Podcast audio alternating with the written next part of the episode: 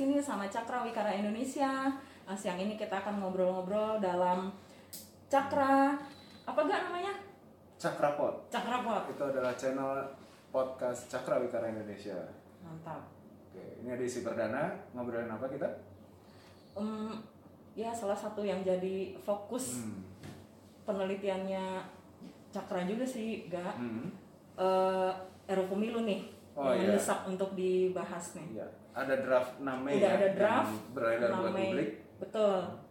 Eh, itu eh, DPR RI memang sepertinya mau Hmm. semangatnya sih eh, yang disampaikan oleh anggota DPR RI Hmm. itu eh, supaya ada waktu yang cukup untuk mempersiapkan penyelenggaraan pemilu 2024. Jadi mereka pinginnya eh, selesai ini tahun ini eh, Ya, nggak, nggak kayak biasanya ya. Biasanya Iya. itu dua tahun setahun sebelum pemilu Baru, itu baru gobrol baru, gobrol gobrol mm-mm. gobrol. Mm-mm. Ini baru belum setahun kita pemilu di 2020 udah mulai pembahasan masuk prolegnas. Iya. Nah, apa aja nih di RU eh, draft RU pemilu yang baru yang baru dikeluarkan Komisi 2 DPR yang menurut Yolanda apa yang yang berbeda dari eh, undang-undang sebelumnya? Ya, jadi isu-isu yang berulang Hmm. selalu jadi perdebatan itu memang selalu ada ya, Gak? Ya. Eh, terutama sih yang menyangkut dengan aspek teknis dari Sistem, pemilu. ya. Ya, misalnya sistem pemilu itu Hmm. eh, pasti bicara soal eh, besaran daerah pemilihan, Ya. eh, banyaknya kursi di daerah pemilihan, kemudian Parliamentary eh, threshold, parliamentary threshold, Hmm. juga konversi suara ya, suara ke kursi, metode konversi konversi suara, metode gitu. konversi suara ke kursi eh, itu tapi memang sepertinya di yang RU yang sekarang Oh ini satu Kak, lagi ada soal yang itu eh, terbuka tertutup itu juga jadi Sistem. perdebatan tuh Eh, Iya. di masyarakat sipil Iya, juga dan terbelah sekarang- ya. sekarang ini sepertinya makin makin hangat ya ininya Hmm. perdebatannya karena udah makin mengerucut nih memang Iya. udah mulai kelihatan ada eh, pihak yang ingin eh, terbuka atau tertutup. tetap ya. mempertahankan terus Hmm. sistem terbuka ada yang ingin kembali ke sistem tertutup Sama juga soal presidential threshold. dan Beberapa presidensial kali ini threshold. upaya judicial review ya, MK itu juga di- terus diupayakan karena dengan 20% presidential threshold itu dianggap ya untuk suksesi dan transisi kepemimpinan itu ya di situ-situ aja. Iya. Bahkan kondisi kemarin itu kan ibaratnya pilih satu dapat dua gitu kan. Nah, itu yang sebenarnya mungkin jadi dilema ya buat beberapa orang lantas buat apa kita ikut pemilu gitu. ya. betul Nah, itu isu-isu yang menarik. Iya nah, sih. apa sih yang beda? Apa nih? Itu kayaknya isu-isu klasik ya. Iya, itu betul. dari zaman dari zaman mungkin era reformasi ya kita isunya itu itu. Apa yang baru sebenarnya? Eh, ada ini sih ga eh, setelah eh, kita pelajari ya RU Hmm. itu kita ketemu nih ada satu hal baru yang menyangkut eh, aspek azas Oh, azas. Iya. Ya. Azas, ini kan sesuatu yang melandasi ya secara filosofis payung atau semangat hakikat dasar pemilu ini Iya. buat apa gitu kan. Iya. Ya. Mhm. Apa sih yang eh, kan kalau nggak salah ya semua orang tahu lah ya azas itu pasti luber. Luber. Mungkin kalau taunya Yolanda dulu eh, pertama kali pemilu. pemilu kapan ya? tahun 1990 Itu azasnya masih luber kan? Kalau orde baru dong berarti. Iya. 97 Iya. mungkin ya. Nah, Iya. itu masih luber, luber. Luber itu langsung umum bebas rahasia kan Iya. ya. Dan kemudian Setelah di pemilu reformasi, eh, tambah ya. bertambah lagi Apa? Nambah apa? jurdil Jurdil. Artinya selalu langsung umum bebas rahasia, harus jujur, jujur dan, dan adil, itu Nah, yang kita tahu Itu yang kita tahu ya. nah yang ini ada yang baru nih ga Nah, itu generasi saya tuh. Generasi yang baru milih-milih di tahun nanti ya, tapi nggak 2024. terlalu jauh sih sebenarnya generasinya saya tahu juga bahwa ini sekarang ditambahkan ini ga ada asas baru namanya efektif dan efisien Oh, jadi ada luber, Jur. setelah reformasi tambah Setelah jurdil, tambah jurdil, sekarang mau sekarang- ditambah efektif efisien. iya Itu sebenarnya ngatur soal apa sih? Kenapa harus efektif efisien ya? Kebayang nggak? Apa sih yang mau diefektif dan diefisienkan? kalau yang jadi eh, alasannya ya gak Hmm. yang memasukkan itu untuk eh, atau dari fakta-faktanya dulu Mm-mm. apa yang membuat ada semangat untuk memasukkan Ah, prinsip asas efektif efisien Efisien, ini iya. di dalam pe- kepemiluan mm-mm. Eh, karena biaya pemilu yang dianggap mahal Oke. jadi ongkos pemilu ongkos, walaupun oke. itu mesti kita kulik dulu ya gak ya ah. yang mahal itu di sisi apanya sih Hmm, itu hmm. pertama kemudian uh, maraknya money politics Iya. atau yang mungkin kita kenal sebagai apa suap di masa pemilu Uh, ya politik uang, itu Uh, kemudian apalagi mungkin juga soal mahar Hmm. soal uh, mahar Iya. politik Kalau saya sih kebayang efektif efisien itu udah sering terdengar tapi di ranah penyelenggara pemilu. betul Artinya ini KPU dalam manajemen pelaksanaan pemilu ya. Itu me- saya sih sempat dengar tuh efektif efisien tuh supaya pemilunya serentak, supaya menghemat biaya. alasan Ini berapa kotak gitu kan eh, dalam satu waktu milih berapa. Terus kemudian juga soal bagaimana logistik kepemiluan bisa lebih hemat.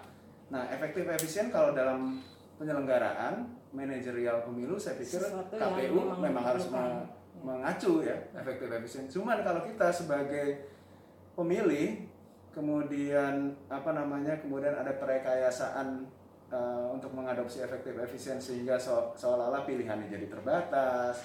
Kemudian dari soal eh, apa namanya eh, selain pilihan warga jadi terbatas soal partai politik yang menjadi lebih eh, itu-itu aja. Kemudian jumlah calon presiden atau jumlah partainya juga semakin ramping artinya kita tidak di- diberikan Ga. opsi itu juga sesuatu yang Jadi maksudnya efektif efisien itu ya yang mendasari eh, apa aturan mengenai eh, untuk keinginan untuk Iya. menyederhanakan jumlah partai, politik, ya. Membatasi jumlah yang masuk ke dalam parlemen. parlemen. Kemudian ada istilahnya presidensialisme yang efektif. Nah ini kan hal-hal yang saya sih sebenarnya bertanya presidensialisme yang efektif kenapa? Kenapa harus? Kenapa harus? Nah, itu kan kalau nggak salah MK mengamanatkan arah undang-undang pemilu kita harus menuju pada penguatan sistem presidensialisme. Nah atau presidensialisme yang efektif. Nah itu eh, saya masih bertanya-tanya tuh. Iya sih, Ga. Nah, apa itu per- apa perlunya mungkin mungkin kita harus bedakan dulu ya. Hmm. Eh, yang pertama itu eh, udah eh, tepat tadi yang eh, disampaikan oleh Dirga bahwa efektif dan efisien sebagai asas penyelenggaraan pemilu Penyelenggaraan. memang diperlukan, bisa diterima. Eh, kalau kemudian menyangkut ke efektif dan efi- efisien itu di dalam presidensialisme sistem pemerintahan ya. dalam sistem pemerintahan, nah itu sudah hal yang berbeda lagi karena Iya. dia ada di level yang lebih luas atau lebih tinggi daripada penyelenggaraan pemilu. Hmm, Eh, di situ harus kita periksa iya. eh, membuat satu sistem pemerintahan lebih efektif dan efisien, bisakah dilakukan melalui eh, aturan di dalam sistem pemilu, Hmm. di dalam aturan pemilu? Kemudian kedua, betul nggak sih kita perlu Hmm. Satu sistem pemerintahan yang efektif dan efisien? Kita harus lihat dulu apa maksudnya. demokratis nggak gitu kan Demokratis atau tidak, betul. setara nggak gitu ya Wala- Betul, karena prinsip-prinsip yang mau kita pertahankan kan itu prinsip-prinsip demokrasi. Iya. Nah, apakah efektif dan efisien masuk di dalamnya? Ya, saya berarti bisa tangkap ya. Kalau efektif efisien dalam penyelenggaraan, tata kelola manajerial, Hmm. penyelenggaraan, fine. Tapi kalau bicara soal sistem pemerintahan harus efektif efisien, bicara tentang tata kelola demokrasi harus Iya. efektif efisien, tar dulu gitu kan. Betul. Ibaratnya kita perlu banyak diskusi nih soal ini. Karena efektif efisien bisa jadi justru gimana ya? Membatasi Iya, proses partisipasi politik iya. Eh, kita jadi nggak setara karena nggak semua orang bisa mencalonkan diri. Kemudian partai jadi lebih susah.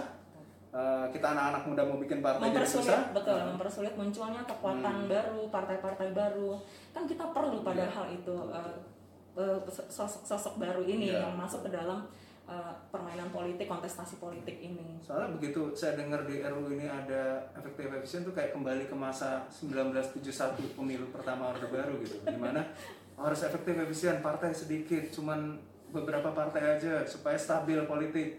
Tapi ya demokrasi ya nggak bisa dikorbankan malah sedemikian rupa dengan azas ini sehingga sebenarnya ada semacam perekayasaan supaya politik lebih stabil.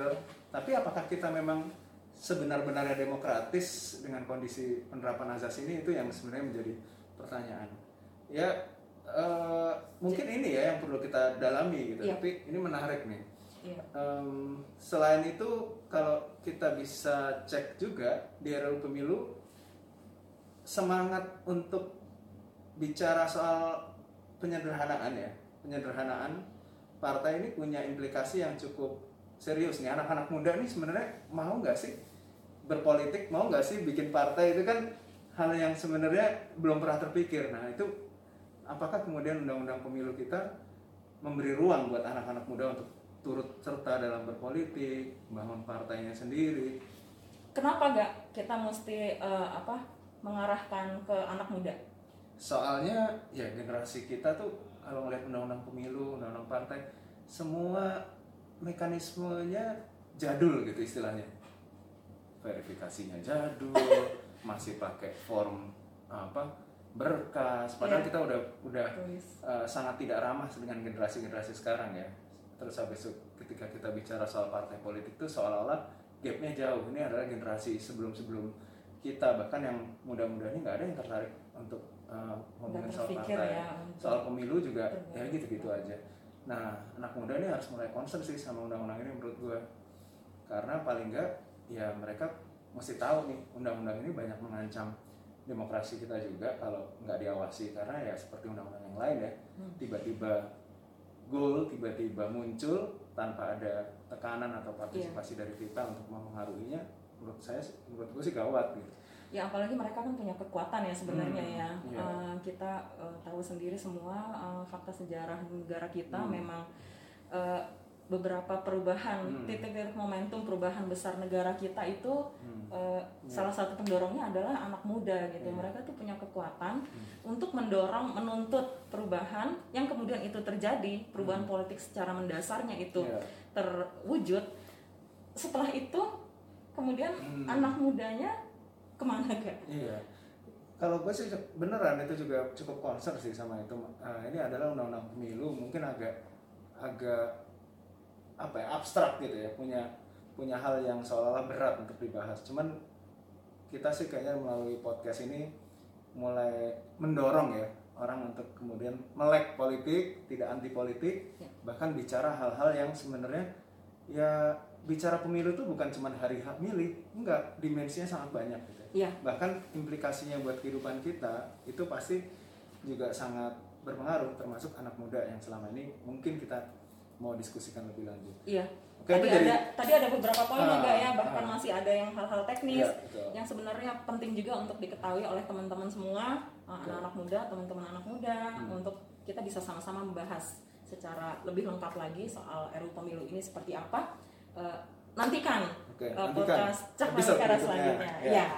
Okay. terima kasih